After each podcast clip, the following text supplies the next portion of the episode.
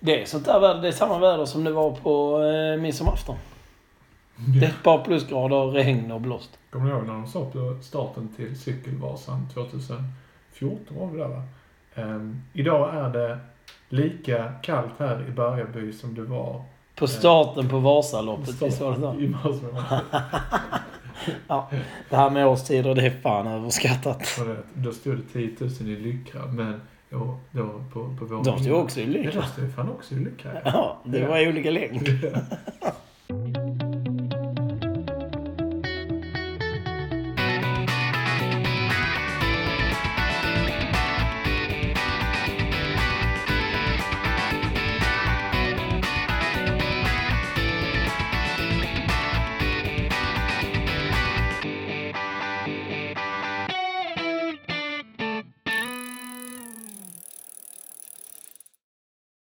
Idag eh, ska vi avsluta 2017 ja, och snacka upp 2018. och då passar det ju bra för när vi spelar in det så är det ju faktiskt årets sista dag. Ja, så att det kommer ligga ute typ direkt. Det är nästan live faktiskt. Ja, det är så mycket live man kan komma nästan. Mm. Och så kan vi också bjuda på något för den som tänker lova någonting. Ja, du tänker nyårslöften. Absolut. Men... Eh, ska vi börja i kronologisk ordning? Avsluta det gångna året. Hur har ditt år varit, Micke? Bokslutet nu ser, till, ser ut till att bli riktigt, riktigt bra. Eh, men om man går tillbaka 365 dagar så låg jag ju ganska sjuk i lunginfluensa vid denna tiden. Så året börjar ju med, med sjukdom och en hög sänka som aldrig, som aldrig gick ner. Eh, och jag var ju faktiskt sjuk fram till typ 17-18 januari där. Eh, och det påverkade mig ganska negativt. Så lunginflammationen gick ju över i någon form av inflammation sen på mina muskelfästen bak till på skulderbladen. Bara där? Ja, det var så sjukt för att jag kommer ihåg jag stod här. Vi hade en liten nyfödd och då skulle jag lyfta upp henne. Jag kunde inte lyfta. Det var ett litet knyte på bara några kilo. Ja. Och likaså var det när man skulle ta ut mjölken ifrån översta hyllan i kylskåpet. Vet jag som är 1,92 lång. Jag kunde alltså inte lyfta mina armar ovanför öronen. Det var helt bisarrt.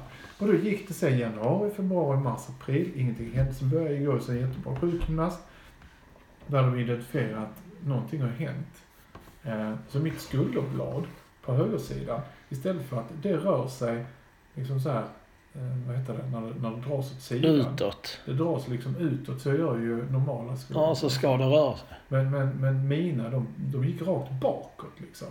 Jaha. och det gjorde ju att andra muskel, m- m- muskeldelar tog vi då och försökte kompensera, men det gick inte riktigt bra. Så nu då, drygt knappt ett år senare, så, ehm, så är jag fortfarande inte bra. Så det blir sjukgymnastik. Eh, dock inte så mycket som jag skulle vilja. Men det är sådär med det där eh, sjukgymnastik. Det är ju alltid att man gör ju aldrig det tillräckligt liksom. Man ska alltid göra, borde göra mer och så blir man någorlunda bra och så avbryter man det istället för att bli riktigt återställd. Jo men exakt. Och eh, har man bara den disciplinen så, och, eh, så går det rätt så snabbt. För när muskulaturen den lär sig um, allt eftersom den faller tillbaka till rätt spår. Och, um, det har den inte riktigt gjort än så länge. Men vad som hände då när jag började med sjukgymnastiken, det var ju samtidigt som vi började cykla då i mars, april, andra gång. Ehm, att kopplingen mellan bröstmuskulatur och, då, och, och ryggen, där var ingen koppling. Så vid ett tillfälle, det var ju du som hjälpte mig, så kommer, så kan inte mina armar stå emot en, en kraftig inbromsning. Så jag flyger över styret där och, och drar huvudet i en rot och så. Och det är in då till, till Lunds akut. Eh, Så det kan man säga, det var startskottet för året. Att jag mer mindre, En käftsmäll. Jag bestämde mig för att jag ska aldrig i hela mitt liv cykla igen. Men så tog det bara någon vecka. Jag Ja. fick ett bud på min cykel och, och så bytte jag cykel till den jag kör idag, då, en Trek Superfly, som har varit helt enorm och utvecklingen har bara gått rätt uppåt. Ja, det är ändå rätt sjukt att du, du sitter här idag som medlem i ett cykelteam och eh, deltagande i en podd om mountainbikes. När året började med att du liksom eh, var så pass sjuk att eh, ja, men det var inte självklart att allt skulle bli jättebra. Och sen började med ett magplask liksom. Ja. Men hur var året, om man ser det då idrottsligt? Vad, vad var höjdpunkterna? Förutom att bli frisk igen och kunna cykla igen. Eh, Ja, det har ju varit en eh, fantastisk då utveckling. Från det att jag var föräldraledig Eh, när jag blev föräldraledig sen i, juni månad framåt så började jag träna kontinuerligt och det måste jag säga, det har varit det absolut roligaste med den positiva utvecklingen. Och sen bestämde vi oss för att starta Cykelvasan där jag skulle vara hjälpfarbror då till några vänner där uppe. Så vi åkte upp för att eh, njuta av fjällen och så eh, cykla i fyra dagars sträck, tre Mm. dagars sträck. Eh, Och krönade med Cykelvasan. Ja, precis. Eh, Och det slutade ju med att man puts, eller jag, jag putsade mitt rekord. Det, det gick ju fort som farsingen. Efter eh, någon mil där så släppte jag de andra och tyckte att ja, jag har ju mycket kraft i benen. Eh, så eh, det blev eh, en positiv upplevelse och Cykelvasan kommer jag fortsätta med 2018 och förhoppningsvis framöver också. Så det var väl höjdpunkterna på två hjul skulle jag säga. Och du då? Ja, men eh, min största idrottsupplevelse kan ju inte vara mycket mer... Eller kan inte bli något annat än den Ironman jag, jag gjorde i eh, Italien i september. Även om den börjar bli lite tjatig med det där nu. Men eh, det är som det alltid är. Stora mål, stora insatser, stora vinster. Mycket att hämta där. Så, och det är ett stort mål, det är en stor insats. Så. Det blir också en stor vinst. Men eh, det var också att sätta ett mål som jag faktiskt inte på förhand jag var inte säker på om jag skulle klara det. Alltså, även om jag inte lät mig själv tvivla. Så är det ju lite av ett stretchmål att göra en Ironman. Det är, eh, det är inte avklarat sådär lätt. Och det, det räcker inte med att träna bra. Man måste ha en hyfsad dag när det är dags också. Eh, så jag gjorde eh, i Italien, Emilia Romagna heter det. Det är i Serbien. Och för er som inte vet vad en Ironman är så är det 3800 meter simning. Här i Italien var det 185 kilometer cykel. Det brukar vara 180 men det var första året det gick på den här orten. Så de hade inte... Där fanns inte vägar att göra det till något annat än 185. Och sen 42 kilometer löpning. Jag frågar, var inte upplevelsen från första träningstillfället till, till startlinjen en upplevelse du vill lyfta? Jo, men den resan började ju jättelänge sen. Den började ju den dagen jag... Egentligen började kanske den dagen jag började cykla. Och det är ju lustigt nog min kära sambos fel, för det var hon som skulle börja cykla.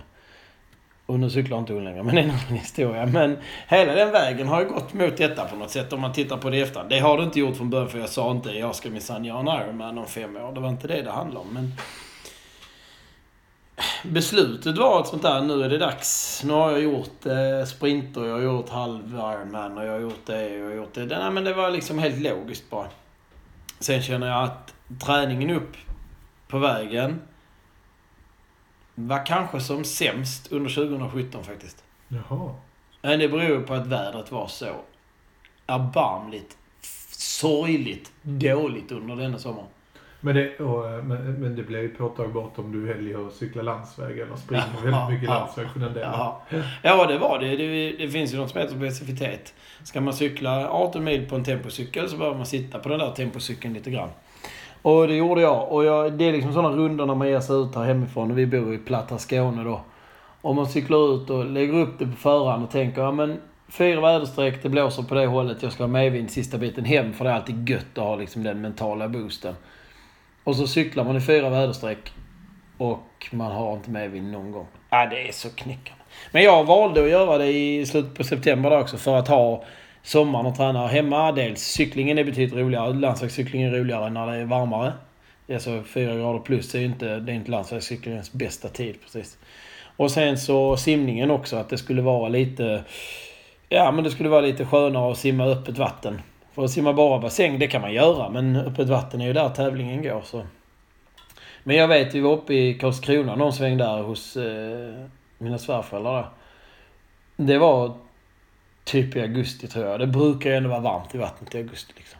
Men det gick inte att simma. Jag simmade 900 meter så fick jag stanna och, och ta ur imman från glasögonen och värma upp dem för det var så kallt i vattnet.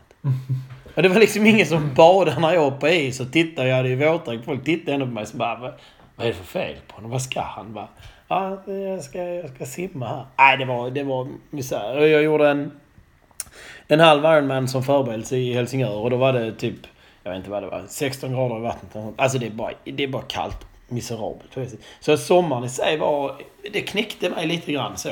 Men sen kom man ner där Ironman är en amerikansk organisation, det är ett varumärke, men de är grymma på att göra det de gör. De levererar en riktigt bra produkt. Det är ett fantastiskt arrangemang, det är en upplevelse att bara vara på plats. Och vill någon veta vad jag pratar om så åk och titta på de här arrangemangen. Typ eh, Iron Ironman Kalmar eller den halva som finns i Jönköping nu då.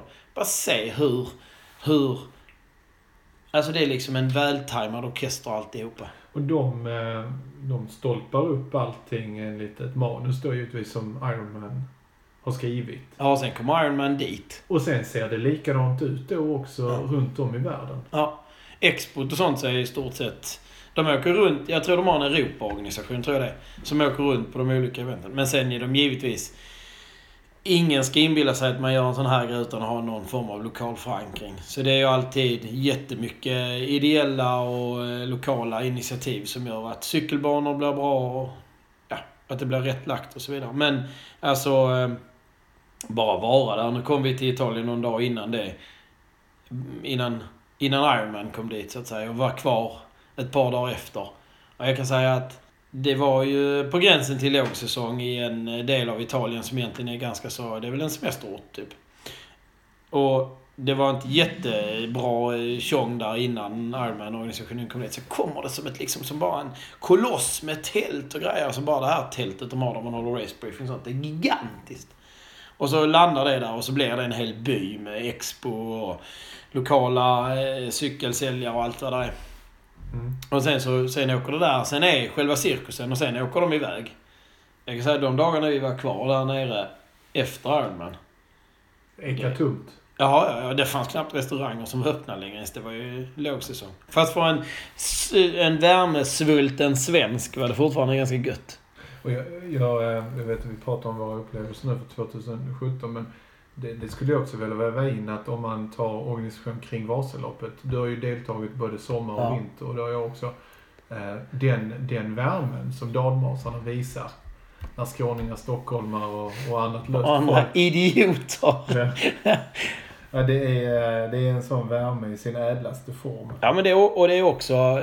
Jag vill också säga att det är, är proffsigt där uppe också. Det påminner faktiskt lite om andra i det här. Att det är ett väloljat maskineri. Man vet vad man gör och man gör det på ett väldigt, väldigt bra sätt. Ja. Men ska vi nu titta på min egen deltagande där. Det gick ju inte perfekt. Och grejen är att ha en perfekt Ironman, då tror jag man måste ha gjort ganska många och vet vad man gör mycket mer Det var min första, kanske enda också. Um, det är en så lång dag, det är så många saker som ska stämma. Det är så små marginaler och hävstången blir liksom enorm på tiden för, för de här smågrejerna. Så min tid är ju inte... Den är väl inget att skryta med, men jag är skitnöjd med att jag, jag gjorde det. Och sen finns det massor att förbättra i mitt upplägg eh, uppemot. Säkert på dagen också, fast jag tycker att jag gjorde det där smart. Ehm, men jag vet inte om jag är så sugen på att göra ett försök till. Eller just nu är jag inte det alls. Precis efter jag gått i mål sa jag att jag aldrig skulle springa igen. Men det, det var ju någon form av i affekt. Men... Äh, jag, det finns inget Ironman-sug kvar i kroppen så. Det finns framförallt inget sug på landsvägscykling överhuvudtaget. Nej, du är ju inte ens en landsvägscyklare. Nej det problemet är ju ganska tämligen litet just Ja, fast det är rätt lätt att lösa också. Det är bara att köpa en. Men, äh, men jag ser själv så att en halv Ironman någon gång. Sådär. Alltså jag säger inte att jag aldrig ska cykla landsväg igen, för det ska jag nog äh, göra. Det är Kanske. som att bildgoogla cyklar när man har tråkigt på jobbet. Eller, eller någon annanstans. Sen, sen tillåter man sig att tråkigt jävligt ofta helt plötsligt. Om uh, eh, dra detaljer också. Nej, jag vet inte det där. Men alltså jag vill ju rekommendera alla som triathlon. Men det är, det är fantastiskt roligt och jag har ändå de senaste, vad blir det?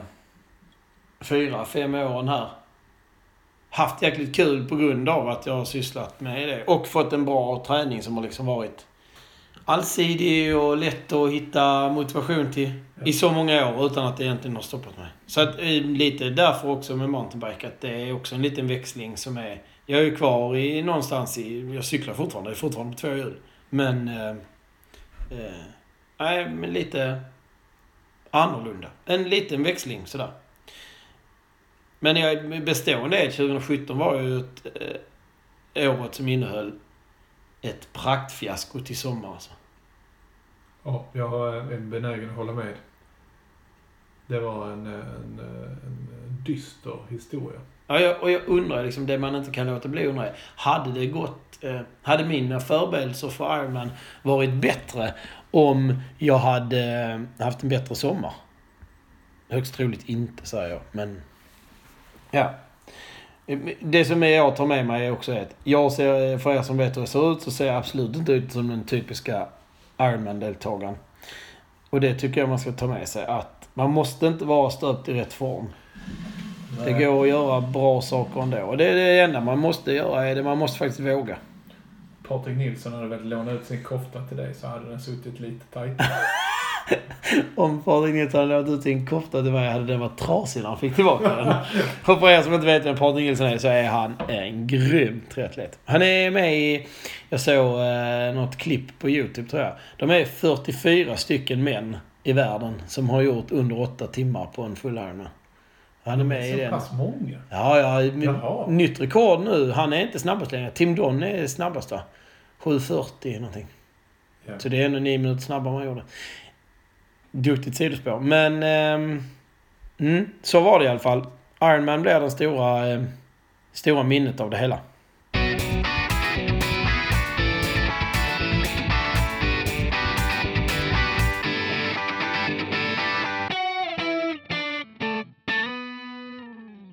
Men ska vi gå över och kolla lite på idrott i allmänhet? Det vill säga det jag inte utövar utan den jag konsumerar. Så tycker jag det är ett par saker som sticker ut. Jag tycker det sticker ut att Usain Bolt slutar. Det är en sån här enormt stor idrottsprofil. Och på grund av att han slutar så kommer en annan stor friidrottsprofil, Mo Farah, lite, lite grann i skymundan där. Och det kan tyckas konstigt att prata om dem i en cykelpodd eller en podd om cyklar. Men det handlar, Mo Farah handlar väldigt, väldigt mycket om konditionsidrott. Var den är på väg. Mo Farah har satt en, eh, en ny standard för löpning, skulle jag vilja påstå. Han springer fantastiskt fort. Alltså få, få ett begrepp av hur fort han springer. Det, eh, jag såg ännu ett annat klipp. Jag såg, eh, konsumerar mycket klipp här i mellandagarna känner jag. Men eh, var eh, fyra motionärer på ett gym som fick testa att springa i hans 5000 meters tempo på löpband. Och eh, de fyra motionärerna var givetvis av varierande eh, liksom, kvalitet. Var en tjej, hon såg väl ut att inte träna så mycket och hade väl inte precis något löpsteg heller. Jag tror inte hon sprang 10 sekunder ens. I Sen hans var det en, tempo. ja, i hans 5000 meters tempo. Ja. Och sen var det en kille som såg ut att vara, jag menar han hade löparlinne, han såg ut som en löpare, han var en duktig motionär. Och han sprang 3 minuter och 15 sekunder eller sånt. Sen var han, stupade han. Han sprang 5000 meter i det tempot. Det är helt overkligt. Det som det dock, om man nu är cykelintresserad, så det det säger mycket om friidrotten, eh, har ju en grej gemensamt med cykel och det är doping. Och doping i de här två eh, sporterna handlar mycket om att det lönar sig att dopa sig för, att, för sina resultat i de här två sporterna. Och jag tycker där är Usain Bolt som då har tävlat mot Justin Gatlin som varit avstängd mot doping flera gånger. Och nu igen. Nej, men eh, nu misstänks han väl för Ja. att använt preparat som är otillåtet. Ja, Jag vet inte, men är det inte typ tredje gången gilt? Det är tredje gången gillt i så fall. Ja, godnatt känner jag. Men där har ju Usain Bolt varit den vita riddaren, fast han inte är vit. Men han har ju varit den här liksom den, den rena... Den som man tror och sätter sitt hopp till samtidigt som den smutsiga, smutsiga Justin Gatlin då har tävlat.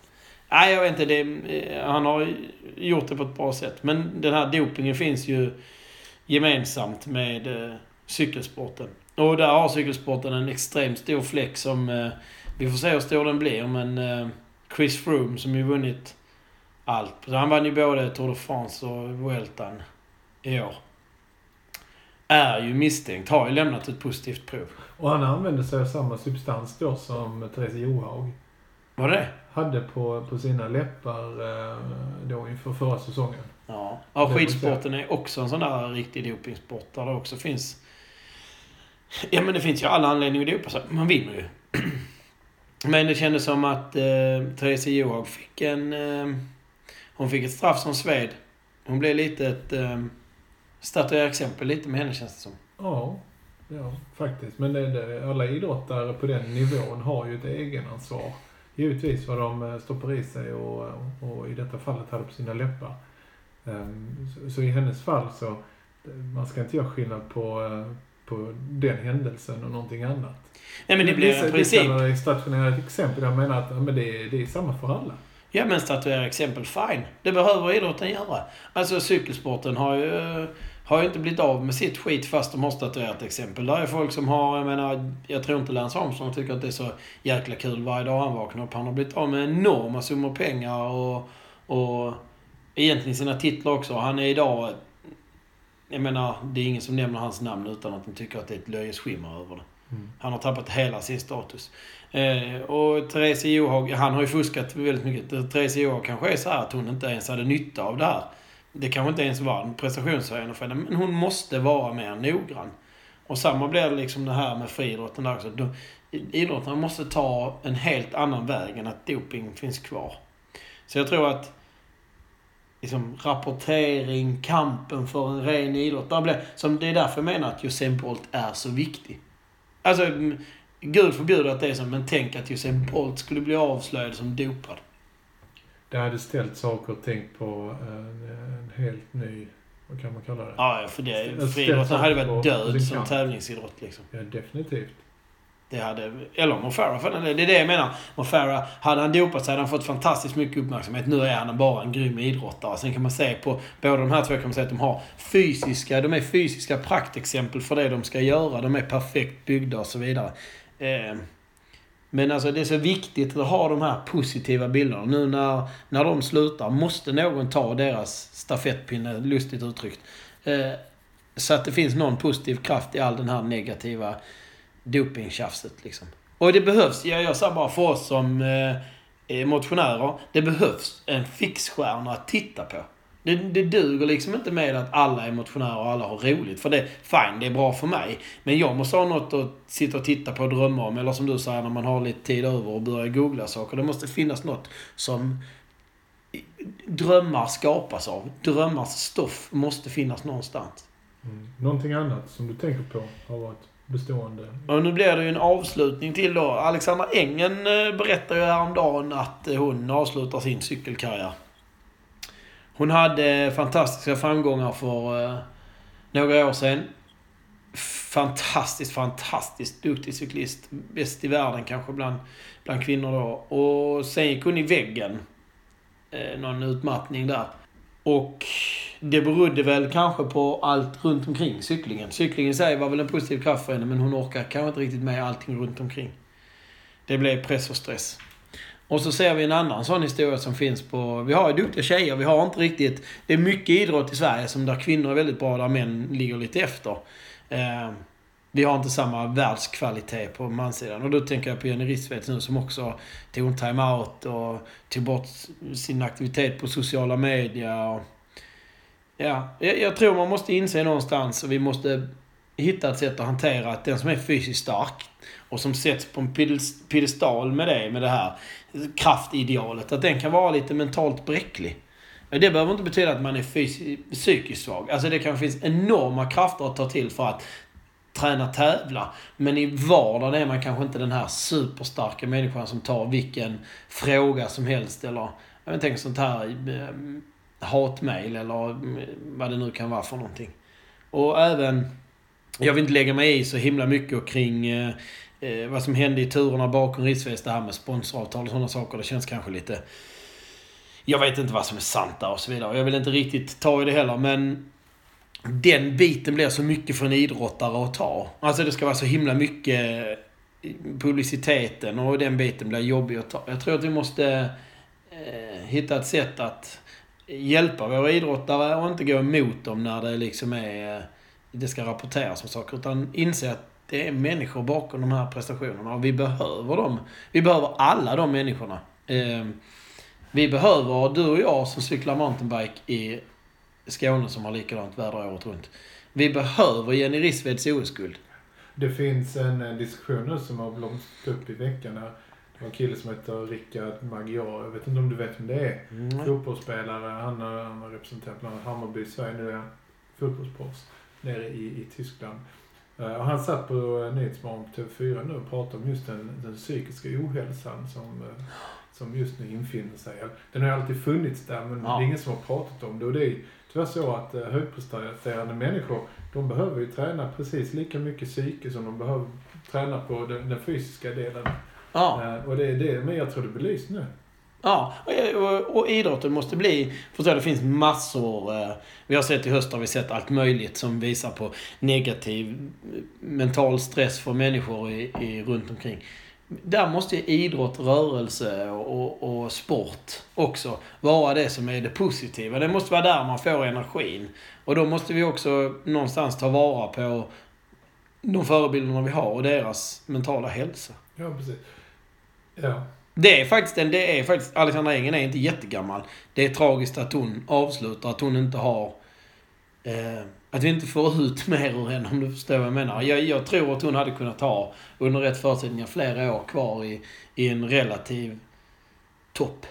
Ja, och sen ho- hoppas vi att en sån eh, fantastisk cyklist som Jenny Rissveds också kommer tillbaka liksom och eh, ehm, Jag känner, nästa steg i utvecklingen och blir helt outstanding. Kanske blir Ja. en ny Usain Bolt för, för mountainbikesport. För då har ju kapacitet till att bli. jag tänker, vad- när jag säger att du och jag behöver henne. Det är ju ingenting. Våra döttrar är ju, är ju det som behöver en Rissveds. En, en tjej som går före och visar att hon är stjärna. Vi behöver killar också för den delen, absolut. Det är, det är inte bara tjejer, absolut inte. Men, men liksom kraften som finns i idrott är att göra vårt samhälle bättre och göra människorna, framförallt människorna i samhället bättre. Den får liksom inte tappas bort i något annat. Sen förstår jag också att prestation och sånt här, men det måste vara smart. Jag har också några sportsliga intryck som, eh, som, eh, som blev väldigt påtagliga för mig nu när jag summerar 17 här. Och det, eh, jag är ju jag är handbollsspelare, jag kommer ju från handbollen och där tycker jag att förbundens utveckling eh, har eh, tagit jättekliv. Framförallt då både på damerna och på herrarna. Damerna kunde vi nu följa i december månad med fantastiskt bra eh, bra resultat. Där man eh, tyvärr slutade, de stöp på mållinjen och slutade som nummer fyra. Men vad de har gjort är att de har fått en avkastning på en ungdomssatsning och eh, på Mm. ett förbundsarbete som myllrat ut i föreningsverksamheten som är jättebra. Man har inga världsstjärnor men man har fått ihop en, en väldigt homogen grupp i alla sina, sina delar från, från U-landslag upp till A-landslag. Så det tycker jag var väldigt fint att se. Egentligen ett nedskrivet landslag men som eh, presterar enormt i december månad. Och det såg man också frukten av i förra våren då, när det var handbolls-VM. Och med en ny ledare då som heter Christian Andersson. Och den, den eh, förbundskapten för damlandslaget heter Henrik Signell. Och de två har ett ungt, modigt ledarskap. De, de, eh, de, de, de tar säkert jättemycket strider. Eh, och eh, de har fått sin idé till att blomstra. Eh, adepterna som kommer upp i de här olika grupperna då i landslagen. De, de får ett syfte till sig. Eh, och helt plötsligt börjar de leverera som grupp.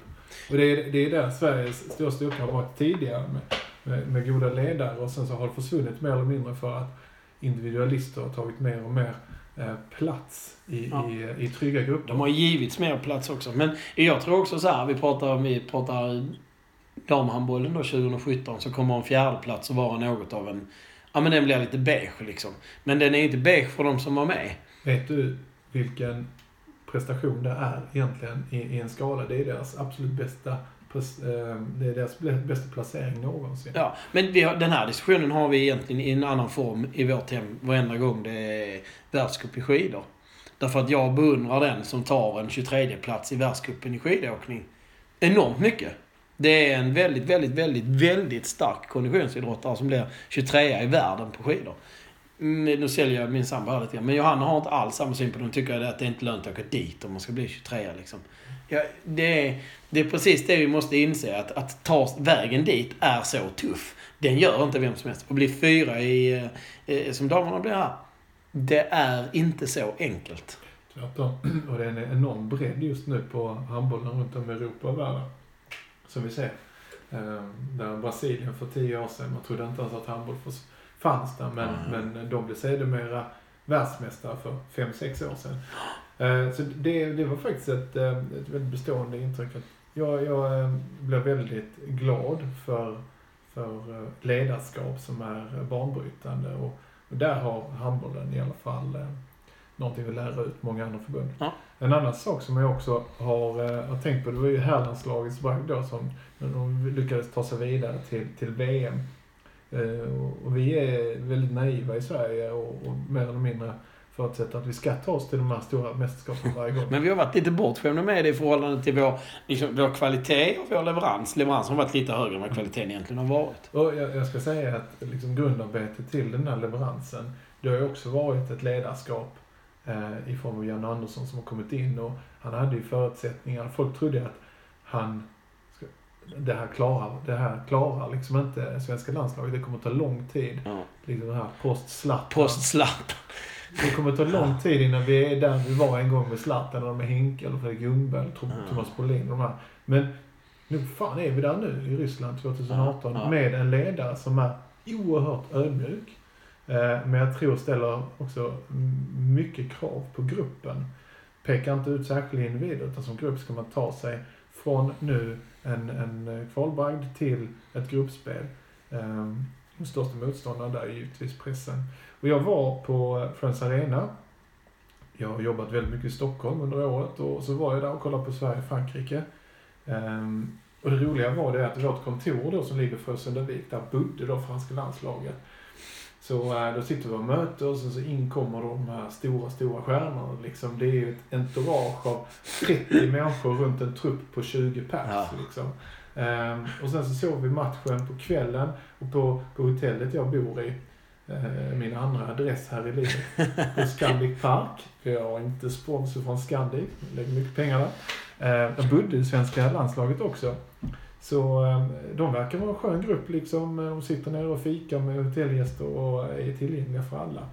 Eh, Efter matchen så kommer jag då från, från Friends och ställer mig i hissen och så in kliver då eh, Albin Ekdal. Och så fick jag lite samtal där med honom, lite starstruck. Du fick en hisspitch med honom. Ja, det kan man ju lugnt säga. Så eh, jag åker hiss med honom och frågar, jaha, eh, var detta lite som ni hade tänkt er? Ja.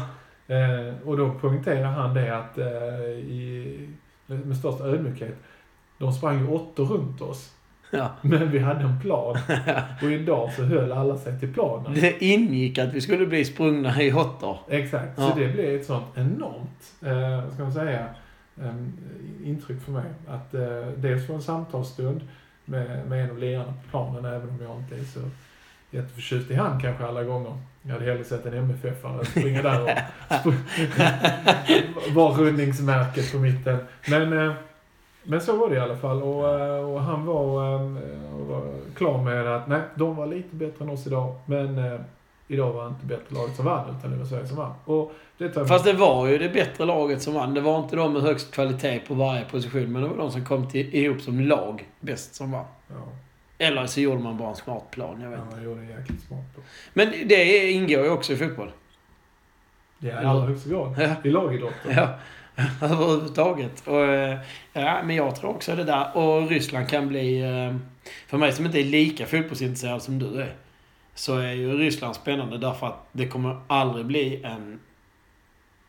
Alltså det kommer inte vara en enda match man ser Sverige som kommer vara det här vinner vi lätt.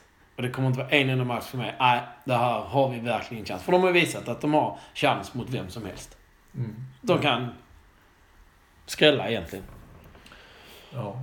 Hör ni det? Alla ni eh, som spelar i svenska landslaget. ni är inte så dåliga som alla säger. Nej, låt inte, låt inte skitsnacket tynga er.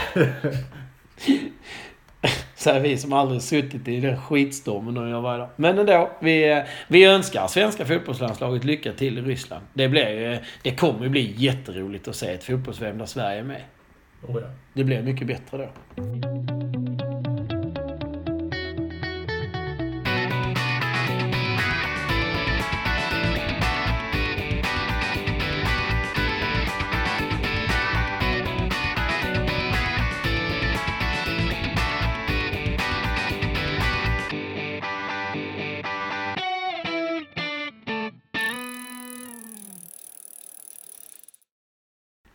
Ska vi ta och vara lite mer cykelspecifika. Så vet det fasen om detta varit så bra i år. Usch vad vi är negativa. Men jag tycker till exempel, för mig är det fortfarande höjdpunkter. Framförallt, jag har inte kommit till att Weltan är en höjdpunkt än. Men eh, vårklassikerna, Girot och Toren är riktigt, riktigt bra att titta på för mina. Det är underhållning på en jäkligt bra nivå. Och eh, mountainbike, cross country, världscup, OS och kanske även VM sådär. Är också, och jag ska säga att cykel-VM på landsväg är också riktigt roligt att titta på.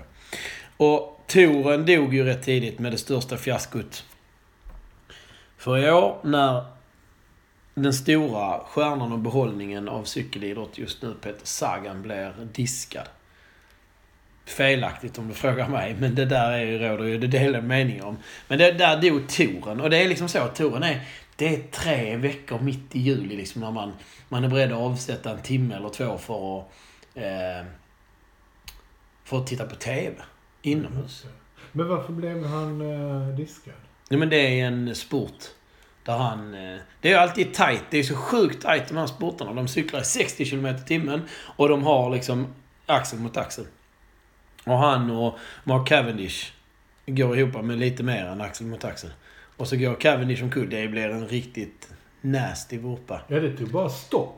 Ja, han kör in i staketen där. Det Så var ett det. sånt jävla smäll det blev Ja. faktiskt. Ursäkta franskan. Men, Ehm, och så i liksom bilderna som finns så ser man hur han balanserar och så åker hans armbåge ut. Men den gör det, tycker jag, efter kraschen. Liksom. Han gör det för att hålla balansen. Men tittar man på det lite mindre noggrant eller får stillbilder presenterade så ser det ut som att han har armbågat bort Mark Cavendish. Vi kan ju säga att positionen är inte som på en spinningcykel. Nej, fan de, de står upp och är längst ner i bocken. Så att det är ju... Bara cykla på det viset är beundransvärt egentligen. Men, och sen Mark Cavendish är ju inte den som... Han har ju själv inte precis varit snäll i sporter historiskt. Han har ju knuffat bort folk han också. Det där är tight. Det där är liksom såna... Det är racing incidents där det får lov att vara lite känslor. Jag tycker det är synd att en sån som Peter Sagan försvinner för han ger så sjukt mycket färg till en... Men vi har pratat om det här tidigare med landsvägscyklingen. Att det finns de här reglerna och det ska vara si och det ska vara så och det blir lite skitnödigt. Peter Sagan är ju rakt emot det. Han kan cykla med håriga ben eller skägg eller långt hår. Eller så. Det är alltid lite så. Det är alltid kul kring Peter Sagan. Så det var synd att inte han var med. Han hade för övrigt ett fantastiskt år trots det. Jag vet inte vad han hade. 11 stage victories, typ. Nej, det är helt sjukt. Han är grym. Han kommer att underhålla nästa år också. Eh, svensk representation sådär blev inget vidare. Jag såg nu att Ludvigsson hade... Han har väl opererat sig, så att han är väl på gång snart och blir... Hoppas vi han får ett bra år nästa år. Att vi får lite rolig cykling. Och på damsidan har vi tappat bort vår stora stjärnor i Emma som slutar. Så att, ja, landsväg blev väl vad det blev. Och tittar vi på eh, cross country-världscupen så är det väl bara att buga och bocka för Nino Schurter. Han är ett monster, den lille mannen. Ja, en clean sheet i år. Han vann alltihopa. Mm. Varenda jäkla tävling. Och jag tyckte förra säsongen då, 2016, den var ju riktigt spännande för då var det lite fight mellan honom och Julian Absalon.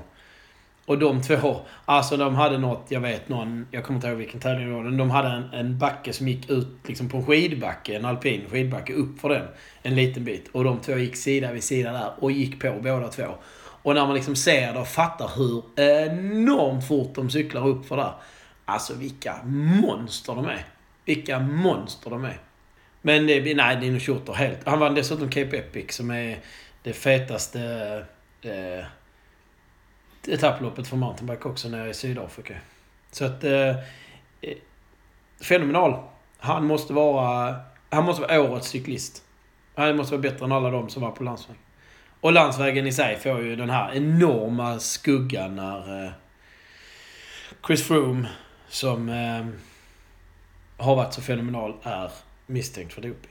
Det känns skittråkigt. Det är en sån grej, säger man att man gillar cykling får man alltid, får man alltid det där kastat i huvudet med doping. Så det är så jäkla tråkigt att en sån fixstjärna. Jag tycker, fast samtidigt är det en liten bit av mig som jag är inte så glad för eh, Team Sky. De är, så, de är liksom inte roliga. De är, de är så bra att de är tråkiga. Ja, och jag, är, jag konsumerar inte alls lika mycket cykling som du gör, så att jag är inte så emotionellt bunden. Du skiter i vilket helt enkelt. Jag skulle säga att jag skiter väl inte i det, men jag ligger heller inte sömnlös. Fast du har ju missat något om du inte... Men du har sett någon världscup på cross country väl? Jag brukar sitta med mina barn här och sen så visar jag på Red Bull TV, eh, Ja. cross country, och så säger jag det är där, det är så pappa cyklar. Och de går på det. Eller? Ja, tills de börjar bli källkritiska. Ja, ja, ja. Alltså cyklar. Jag kan berätta för dem att så cyklar inte pappa. Han försöker kanske. Nej men det, det... För er som inte har gjort det så rekommenderar jag egentligen då också, för den som vill se lite mer spektakulärt, så är det Downhill världscup också. Och Red Bull TV, som man kan surfa upp eller ha på sin Apple TV eller vad man nu har för plattformar, Smart TV och allt vad det är. Där finns Red Bull TV och det är gratis. Och då får man se världscupen i mountainbike. Och det är en timme och 10 minuter, en timme och 20 minuter. Och det är all out, flat out hela tiden. Så det är riktigt fräckt. Mm. Ja, det, det är jättebra. Men du, eh, ska vi släppa 2017? Mm. Så frågar jag dig, vad ser du i din 2018-kikare? Wow! Eh, I min 2018-kikare... Nu pratar vi alltså för egen del. Ja, Eller för... Ja. ja. ja. du får säga vad du vill. Ja, men jag har ju blivit medlem då i den här fantastiska gruppen som vi kallar för Sunto Team Mountainbike. Och eh, det består ju av eh, några entusiaster som, som älskar att träffas. Så jag ser fram emot många tidiga morgnar. Sätta igång kaffe på kvällen. Timern är klar. 6.30. drick kaffe, bege sig ut, cykla ett par, tre timmar. Komma hem och ha energi för en hel lördag och en hel söndag. Det ser jag fram emot. Det är, det är, det är ynnesten av, av att eh, få motionera med likasinnade. Sen så ser jag fram emot eh, att cykla några långlopp eh, och komma iväg på lite minisemester och eh, kanske bo över då för att sen cykla dagen efter. Det ser jag väldigt mycket fram emot. Eh, prylar ser jag fram emot. eh, som exempelvis en ny cykel från Bontrager som är blå, ett par dojor som är oerhört sköna. En ny cykelhjälm, du sa en ny cykel. Ja, förlåt, jag menar cykelhjälm. Men du har dojorna på dig ju. Ja, jag, ser, jag har suttit Du provade dem innan vi började spela in och du har inte tagit av dig dem. Det är starka köpsignaler, Micke. Ja, det är det. Ja. Bontrager Cambion Shoe, storlek 43. Sinnessjuka. Men jag kan säga, det behöver ju bli 20 grader varmare och lite mindre gegga. För de här, de ska jag ju ha som finskor ju. Ja. Ja, mycket ja, ja. Eh, Så det ser jag fram emot, prylar. Sen ser jag fram emot eh, framförallt två saker. Vi ska cykla någonting som heter H12. Det är alltså en, en lagtävling i Danmark. Vi går av stapeln i maj. Eh, Man är hur många i ett lag? fyra. Och så cyklar man 12 timmar så kan räkna ut att varenda en ska cykla 3 timmar. Man behöver inte cykla alla 3 timmarna i sträck. Nej, det behöver man inte göra. Vi ska vara i samma lag, du och jag. Ja. Och där eh, eh, kommer ett litet sidospår nu. Eh, jag och min fru ska till, eh, till New York här. Så kom jag med förslaget att vi borde åka där i, i slutet av eh, april. För jag är, jag är redan klämd och så. Och då säger Sara till mig. Det är väl inte så god idé. För det är bara några dagar innan din cykel är. Då förstår man att man har Då tjatat. har man etablerat det i kalendern. Gisses! Så vill ni, sitter ni nu och lyssnar på detta och känner att ni behöver relationstips för att nå fram till era fruar eller män i det här med hur ni hanterar er cykling. eh, Ring Micke Frölich. Han kan. Han vet precis hur man gör. Ja, vi ska inte slå in öppna dörrar. Det är ju... Det, det, är- det har ju blivit mer eller mindre självklarhet här hemma nu. Ja. Att någon annan tar ansvar för min kalender. Sen ser jag fram emot eh, sommaren då givetvis. Sommarmånaderna och eh, cykelvasan tycker jag är väldigt trevligt. Så det, det, är, det är väl det. Och sen så eh, de här kommande X-Cup-tävlingarna ser jag också mycket fram emot. Du ser fram emot det mesta skulle jag säga. Ja men fan, jag är en enkel själ. Ja, ja. Jag är obeskrivligt pepp på vad vi kan åstadkomma med Team Sunto Mountainbike. Alltså allt som inte är tävlingar och så här, träning som omfattas av målsättningar. Utan det som blir spontant, det du pratar om. Ladda eh, en morgon, en långrunda och så är man färdig innan. Alltså men liksom till lunch är man ju duschad, klar, tvättat cykeln och allting och det kan hända något annat den helgen också. Och man har ändå fått till Ja, men man har redan... Man börjar på en sån extremt positiv eh, fot.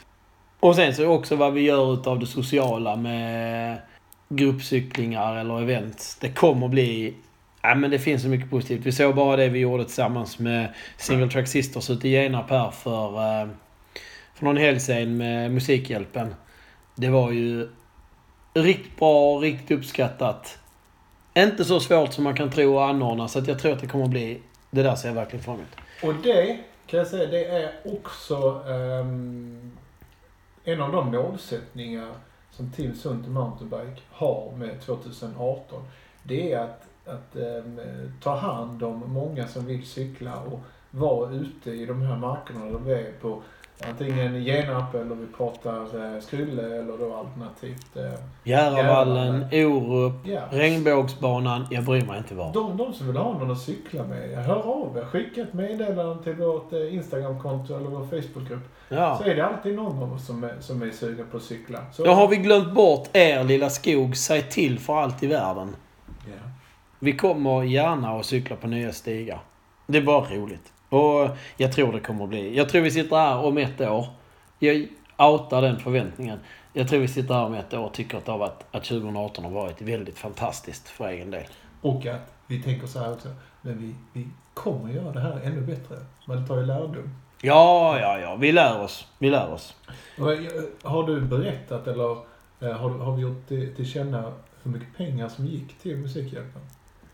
Du, jag har inte den siffran framför mig. Men det var, det var mycket mer än vad man... Eh, än vad det var cyklande också. Det fanns ju folk som såg att vi cyklade och som själv cyklar kanske. Som tyckte det var en god sak och eh, skänkte pengar. Nu tittar du på mig som om jag är idiot. Jag tog alltså Palin och alla dina skannar. Ja men det var inte därför jag tittade på dig som idiot. Jag tittade på dig som en idiot för jag tänkte att du kunde kanske eh, snabbt, som en höna skiter, ta reda på via Single Track Sisters eh, Facebook-sida hur mycket pengar det var. Vi säger 8000. Ja men det var där omkring. Mm. Och det var det på den dagen. Vi säger det. Vi, vi struntar i fakta. Vi kör på fake news. Vi säger 8000. Det var kring 8000 redan den dagen. Jag vet inte om det han blir något mer än det avslutades där. Ja. Och det var ju för att barn inte var till salu, så det var ju också ett sånt som ett skäl som kanske får folk att engagera sig lite grann. Men i övrigt tycker jag såklart också att det ska bli kul att tävla. Jag tycker att det är så himla kul att tävla och det är inte för att jag tävlar om några pallplatser, för jag kanske har pallplatser om man vänder upp och ner på listan. Men, eh, och jag tävlar inte så mycket mot andra egentligen i sak, utan jag tävlar kanske mot mig själv och gör det för att jag får samma förutsättningar när jag åker och tävlar. Får jag samma förutsättningar som eh, de bästa får. Som Emil Lindgren eller Wengelin eller vem det nu är. Jag får samma förutsättningar som dem. När jag tävlar. Så att jag, eh, då är jag ju, är det upp till mig själv. Och eh, jag ser särskilt fram emot Cykelvasan.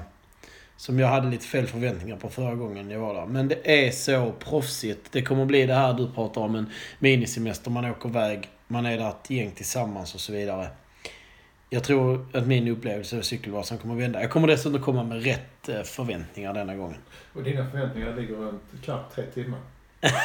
ja, sub tre timmar. Not! Nu Nej. vi- Nu ska vi hålla in dig i ett hörn. Vad har du satt för förväntningar? Nej men, förvänt, nej men det som blev så fel förra gången var ju att jag trodde att jag skulle komma upp och cykla mountainbike så mountainbike är när den är som bäst. Det var världens sämsta beskrivning. Som den är ute i Genarp. Alltså en teknisk stig som hela tiden underhåller dig lite grann faktiskt. Det, det är rena karusellen att cykla liksom. Så kom man upp och så var det ju asfalt, viss bit. Vi kom dit med heldämpade cyklar. Okej, vi bytte däck gjorde vi, men där stannade liksom... Nej, men det var fel. Cykelvasan är ju ett mountainbike-lopp, men det är ju ett tekniskt enkelt mountainbike-lopp. Det gör det, det är det som gör Cykelvasan fantastiskt, för det passar alla. Du kan ha cyklat i två veckor egentligen om du har, om du har bra fys i övrigt. Då kan du cykla Cykelvasan. Du behöver inte vara ett tekniskt fenomen på, på cykeln. Men jag hade fel förutsättningar. Så det handlar inte om tid och, och prestation. Det handlar om vad jag trodde att det skulle vara. Mm. Men jag kommer sätta ett tidsmål eh, för Cykelvasan. Men jag ska inte göra det igen. Men det är uppenbart att det blir inte så lågt som tre timmar. H12 som vi pratar om är liksom också... Nej, det blir sjukt spännande med det sociala. Och eh, med eh, tävlingsformen. Och sen blir det också sjukt spännande för det är lite nära eh, tillökningen i min familj. Sådär. Den är ganska så... Den är inte tajmad med H12, men den är rätt nära inpå. Men du var på ultraljud häromdagen. Ja, Trevligt. ja det, är, det är en riktigt overklig upplevelse. En fantastiskt positiv overklig upplevelse. När man ser eh, fötter och... Och då vill jag gärna säga att mitt barn här har extremt välskapta ben redan. Så att vi ser, vi ser en ny mountainbikecyklist födas alldeles strax. Eh, jag är inte säker på att jag har förankrat det där hemma, men det kan vi ta en annan gång. Ja, du kan försöka. Ja. Nej, och sen kommer, sen tror jag att, precis som du sa, långloppskupperna här, det sociala tillsammans med teamet och, och andra. Jag har gjort några sådana tidigare. Det är skitbra. Och eh, likadant X-Cup som är... Eh, då är vi inne på samma eh, sätt att prata som vi var med din ladda kaffesnurran och komma iväg på morgonen. X-Cup är tävlingar som går på förmiddagen. Till lunch är det tävlat och klart. Du kan fortfarande få gjort något annat den dagen och du behöver inte vara en social belastning för din familj. Samtidigt som du dessutom får tillfredsställande att få lov att köra all out på en mountainbike-tävling tillsammans med andra entusiaster. Så, eh, och sen vet jag säkert redan nu, jag kan bäsa mig själv lite där. Jag kommer vara missnöjd med mina resultat, men sånt är livet.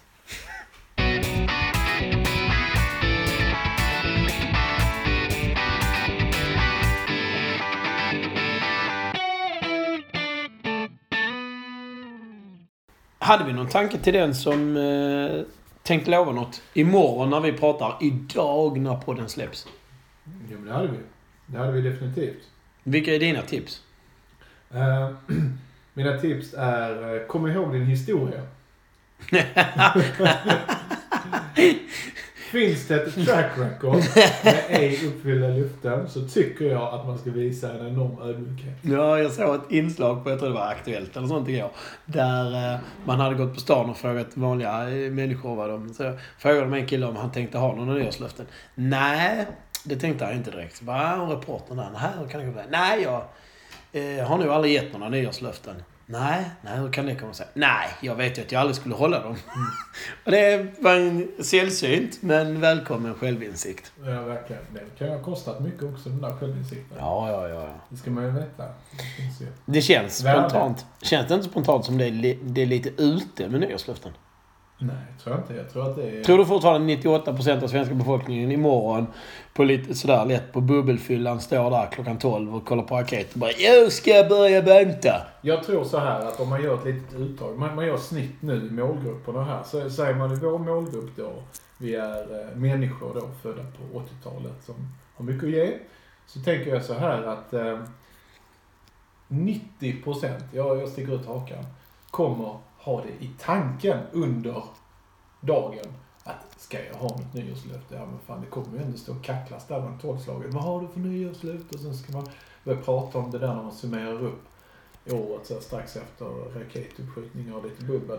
Så att jag, jag tror definitivt att många tänker på det. Sen är det ju lite för många kanske som snackar bredvid mun. Förstår du vad jag menar? Som säger mer än vad de skulle gjort. Ja, men jag kan säga så här då. Att om löfte skulle utges. Om du, om du säger till mig nu. Eh, mitt löfte är. Så är mitt råd till dig. Det är att lägg den där tävlingen. Som du kanske lovar lite för mycket om. Tidigt på året. Så... Nu ser du ut som en jävla guldfisk. för Men- levande Ja. frågetecken För, faktiskt. för om, du, om du helt plötsligt säger att jag ska träna då och eh, jag ska klara ett lopp. Ja men ta då ett lopp som kanske ligger februari-mars. För då har du ju åtminstone uppfyllt det lilla du lovade. På en ganska kort tid. Jag bara tänkte att du fick ingen förberedelsetid överhuvudtaget. ju. Så se, se till att, eh, att eh, om, om det är en, träning, en tävling som ska göras så, så lägg den tidigt på året. Så har man alltid ryggen fri. Så. Ja. Ja. Men tror du inte att de, det genomsnittliga eh, nyårslöftet innehåller en variabel som är som pajar allting och det är lite för flummigt. Jag ska leva hälsosammare. Mm, ja. Ja, berätta för mig. Hur lever man hälsosamt? Jo, det ska jag berätta för dig. Att alla som känner mig vet att jag är pragmatisk. Att man kanske ska ta saker och ting jag säger med en liten nypa salt. Du menar att jag har missat det men alla andra du känner vet om det? Så, så Jag, jag, gör mig oftast väldigt förstådd. Eh, Men de som inte förstår mig, de känner inte mig. Nej, det uppfattar jag. Jag känner så här att om man nu ska ha löften så är ju de löftena ungefär samma som alla andra borde. Som vi borde pyssla med allihopa, det vill säga mål. Att man sätter ett mål som man ska uppnå under året. Och då håller jag också med om att Vänta inte med att utvärdera dina mål till den liksom 30 december. För det, då blir det bara besvikelse och alltihopa. Men det finns ju ett sånt här vedertaget begrepp när det gäller mål som är smart. Man ska ha ett smart mål. Och smart då, det bildas av bokstäverna S, M, A, R och T. Ehm, och S står för specifikt. Och det betyder just att man ska ta bort flummeriet ur sitt mål. Det här är vad jag ska nå. Och det ska vara så exakt att om du går ut och fångar någon som du inte känner sedan tidigare ska du kunna beskriva målet för dem på ett sådant sätt att de faktiskt förstår vad det är. Leva hälsosammare, det har liksom... Om vi är 9 miljoner människor i Sverige så finns det 7 miljoner definitioner på det här, leva hälsosamt. Det finns säkert någonstans som tycker att det är okej att ta en cigg, man lever ändå hälsosamt. Det är inte min definition. Men det ska vara specifikt. Det ska vara mätbart då för hemmet. Det betyder att man ska kunna faktiskt göra en, en återkoppling. Har jag lyckats med det jag förutsätter mig? Har jag, har jag levt hälsosamt? Har det fungerat? Jag måste alltså på något sätt kunna ha statistik på det. Jag måste kunna mäta det. För att ge mig själv en, en bekräftelse på att det är avklarat. A1, då pratar vi accepterat. Och det betyder att folk runt omkring dig också måste veta. Det är, det är ett perfekt... A1 skulle jag säga ingår i alla som ska göra en Ironmans planering av det. Se till att de runt omkring dig är med på det här. Eh, Se till att det fungerar med det vardagliga liv du har. Ja, det kan ju krasa många planeringar. Ja, ja ja, ja. Absolut. Ja, jag menar allting som kräver lite planering säger att men vi är tillbaka på det här med att leva hälsosamt. Och så samtidigt står den du lever med och lovar att ah, men jag ska sluta vara så, så skitnödig när det kommer till maten. Jag ska dra en burgare och en pizza ibland. Det kommer ju krocka enormt mycket. Då är ju inte målet accepterat. Det ska också då på R vara rimligt. Som är att om du, eh, det längsta du har sprungit livet är 4 kilometer så är det kanske dumt att anmäla sig till mara. Den är 42,2. Det blir lite jobbigt. Fast det är fan det är ju inte orimligt. Jag kan säga en sak som verkar orimligt men som blev väldigt rimligt. Det var att du hade aldrig sprungit en mara i ditt liv och du valde att göra just den första maran i slutet av en Ironman. Ja, fast jag hade sprungit, sprungit så långt. Ja, tillsammans, ja, på ett helt år. Nej, nej, jag hade sprungit, jag har sprungit över 6 mil som längst i ett streck. Har du det? Ja. Då kallar jag... Förlåt, ta tillbaka det. Men, men det var många år sedan. Men, jag- men, jag- ja, men jag håller med dig. Det kanske är... Men där också... Det finns ju, en, det finns ju en, en gräns som är rimligt. Rimligt är ju inte samma sak som att det ska vara enkelt. Det kan ju få lov att vara lite svårt, men det är rimligt att nå dit. Och om du nu kan springa 4 kilometer idag, den 30 december, och du ska springa en mara i oktober. Det är inte, det är inte orimligt. Om du inte har något problem med att träna mycket. Lägg en bra plan så kommer du kommer fixa det. Men det måste vara rimligt. Och då kanske vi ska titta på tiden du behöver lägga i, i, i A1 istället. Men eh, sista bokstaven i den här smartgrejen är ju T. Och då är det tidsbestämt. Och det är lite uppenbart. Men då vill jag vädja till att man inte bestämmer tiden till årsskiftet 2018-2019. Utan faktiskt tar Mickes tips på, på eh, till fasta här och säga att jag bestämmer att det här ska vara klart i maj. Juni eller någonting. För då har du dessutom eh, alla möjligheter, sex månader eller ännu längre, att göra något mer av ditt år. Så du inte behöver känna att det är en besvikelse i december 2018. Ehm, det är smart. Om man använder smartmålet på sina, eller det här smart, eh, den lilla förkortningarna, till att strukturera sitt mål så finns det faktiskt bättre möjligheter att klara det än om man bara står på vinfyllan och säger att jag ska bli smal. Arre. Smala. jag tror, de, de kommentarerna de är lite, de är lite bundna till en viss människotyp. Eller? Kanske. Nu hör jag, hör jag att dina fördomar kommer in här lite grann. Det är livets hårda skola vi pratar om nu. ja, men så kan det mycket väl vara. Att det, det är kanske inte den som har haft ett... Eh, som är van vid att formulera mål i livet som sätter ett dåligt mål. Den som är van vid att formulera mål sätter ett bra mål. Man ska nog akta sig för att eh, delge mål till dig och mig. just i anslutning kring eh, nyår. Man kan få tillbaka de målen som en liten... Det kan studsa tillbaka. Oerhört. Ja. Men eh, mitt sista tips i detta är att om du vill ha mer rörelseaktivitet i ditt liv så ska du följa oss på Skogscyklisterna för vi kommer entusiasmera till det. Ja. Och vill du ha mer rörelseaktivitet i ditt liv samtidigt som du sitter på en sadel i skogen så är det Team Sunt Mountainbike du ska hänga på. Ja. Det kommer komma väldigt, väldigt bra chanser till det. Under 2018. Är det någonting vi har glömt säga om 2017 innan vi avslutar detta mycket? Nej. Nu är sista chansen. Sen stängs boken. Det är skrivet med bläckpenna och det går absolut inte sudda. Nej. 2017 stängs nu. Ja. Jag har ju något att tillägga mot vad vi har sagt för 2018. Där har vi alla möjligheter att tillägga i ungefär 365 dagar till. Vi är pragmatiska. Ja, det är en riktigt bra slutkläm. Så med det är det väl dags att önska gott nytt år. Ja. God fortsättning, gott nytt år.